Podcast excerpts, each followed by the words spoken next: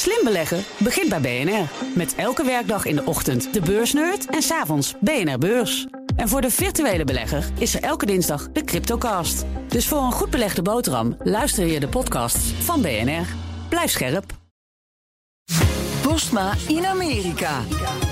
Tijd voor het laatste nieuws uit de Verenigde Staten met onze correspondent Jan Postma vanuit Washington. Jan, er speelde zich gisteravond een dramatische richtingenstrijd af in de Republikeinse Partij. En die draaide om twee personen: Liz Cheney en Marjorie Taylor Greene. Vertel. Ja, dat, eh, dat zijn vertegenwoordigers van uh, twee vleugels van de Republikeinse Partij eigenlijk. Hè. Cheney, de gevestigde orde. En aan de andere kant de, de Trump-kant eigenlijk, met Marjorie Taylor Greene. Uiteindelijk mochten ze allebei blijven. Is die gevestigde orde maar eens even. Die Liz Cheney, dat is de nummer drie van de Republikeinen in het Huis van Afgevaardigden. De dochter van Dick Cheney natuurlijk. En zij stemde vol overtuiging voor impeachment van Trump. En dat maakte de Trump-vleugel boos. En, en daarom werd er gestemd of zij haar belangrijke positie als nummer nummer drie wel kon houden in het huis.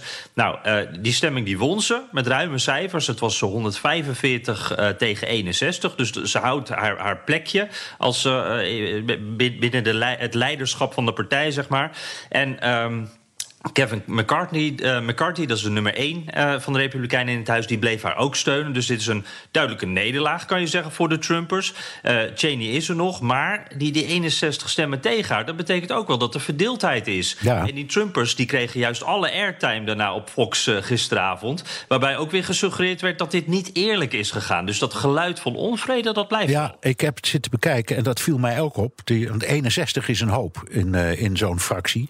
Nou, naar die Marjorie. Taylor Greene. Wat gebeurde er met, met haar? Want het is een opmerkelijke mevrouw, zal ik maar zeggen. Hè?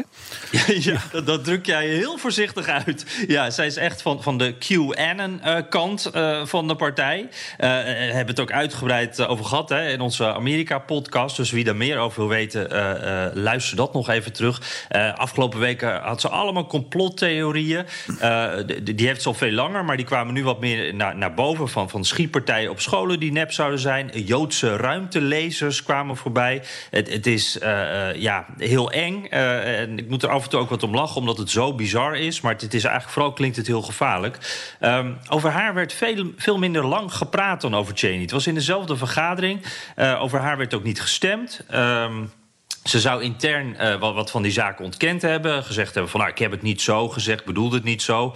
En volgens McCarthy, diezelfde McCarthy, uh, kent ze nu ook wat meer de impact van haar verhalen. En dat was eigenlijk uh, wel genoeg voor de Republikeinen. Naar bu buiten toe hoefden ze daar ook niks over te zeggen. Ik moet ook eerlijk zeggen, ik geloof er zelf niet zoveel van. Want veel van die uitspraken van haar waren echt in de afgelopen paar jaar nog, nog relatief kort geleden.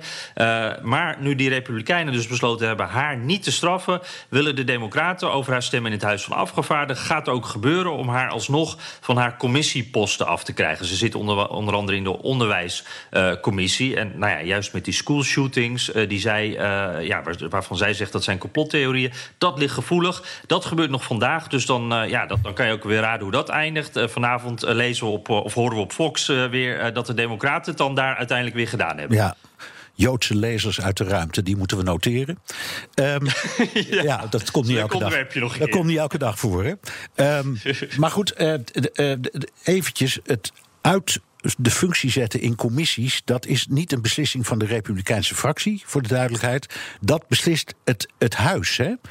Dus daar stemmen alle leden van het huis over. En de, de, de, Democraten hebben dan een meerderheid. Dus kun je zeggen, die, die, die keepen die Marjorie Taylor Greene sowieso uit commissies. Ja, daar lijkt het wel op. En, en, en dan, uh, dan is het eigenlijk het verhaal... de Republikeinen wilden niks doen. Dus dan uh, denken de Democraten... dan doen we het wel in het Huis van Afgevaardigden. Ja, nou die Kevin McCarthy, die, die, die probeert... dat begrijp ik dan ook wel... maar toch uh, beide flanken van die zwabberende partij... binnenboord te houden. Ja, dat is mooi gezegd. Ja, inderdaad. En, en dat is voor nu ook even gelukt. Maar je ziet en voelt die, spanning daar. Uh, binnen de partij zijn mensen nog steeds boos op Cheney natuurlijk, hè, vanwege die impeachment. Maar mensen zijn ook nog steeds boos op die Marjorie Taylor Greene. Uh, en, en, en ja, Cheney die blijft achter haar woorden staan. Die heeft ook gezegd: ik ga hier niet mijn excuses voor aanbieden. Die president moet uh, impeached worden. Daar sta ik nog steeds achter. Nou, die Taylor Greene, die doet eigenlijk een beetje hetzelfde. Verschillende. die is er op dit moment ook uitgebreid geld mee aan het binnenhalen voor haar campagne. Dus die, die, die lijkt toch geen spijt te hebben. En die McCarthy die wringt zich dus in allerlei bochten. En bijvoorbeeld over die Marjorie Taylor Greene, daar zei hij over... ja, dat QAnon, ik weet eigenlijk niet eens precies wat dat is. Hoe spreek je dat eigenlijk uit? Waar hebben we het eigenlijk over? Terwijl, ja, dat weet hij natuurlijk wel degelijk. Daar gaat het al, al weken, maanden over in de Amerikaanse pers. En dat is echt iets waar je niet omheen kan. Nee, en dat, is, dat is die club die zegt dat, uh, dat Trump messias is... die de wereld gaat beschermen tegen duivelse kinderdieven of zo, hè? Ja, precies. Dat is dan een soort groot uh, complot waar vooral democraten, eigenlijk alleen maar democraten in zitten, wereldwijd. En uh, nou ja, Trump is de enige die als een soort geheim agent dat, uh, dat kan gaan regelen. En ja, en die McCarthy die, die, die doet dus een beetje alsof hij niet weet wat dat is. maar zelfs in Nederland weten we inmiddels wat dat is. Dus ja, hij moet de komende tijd nog heel wat, wat schipperen en, en gladstrijken.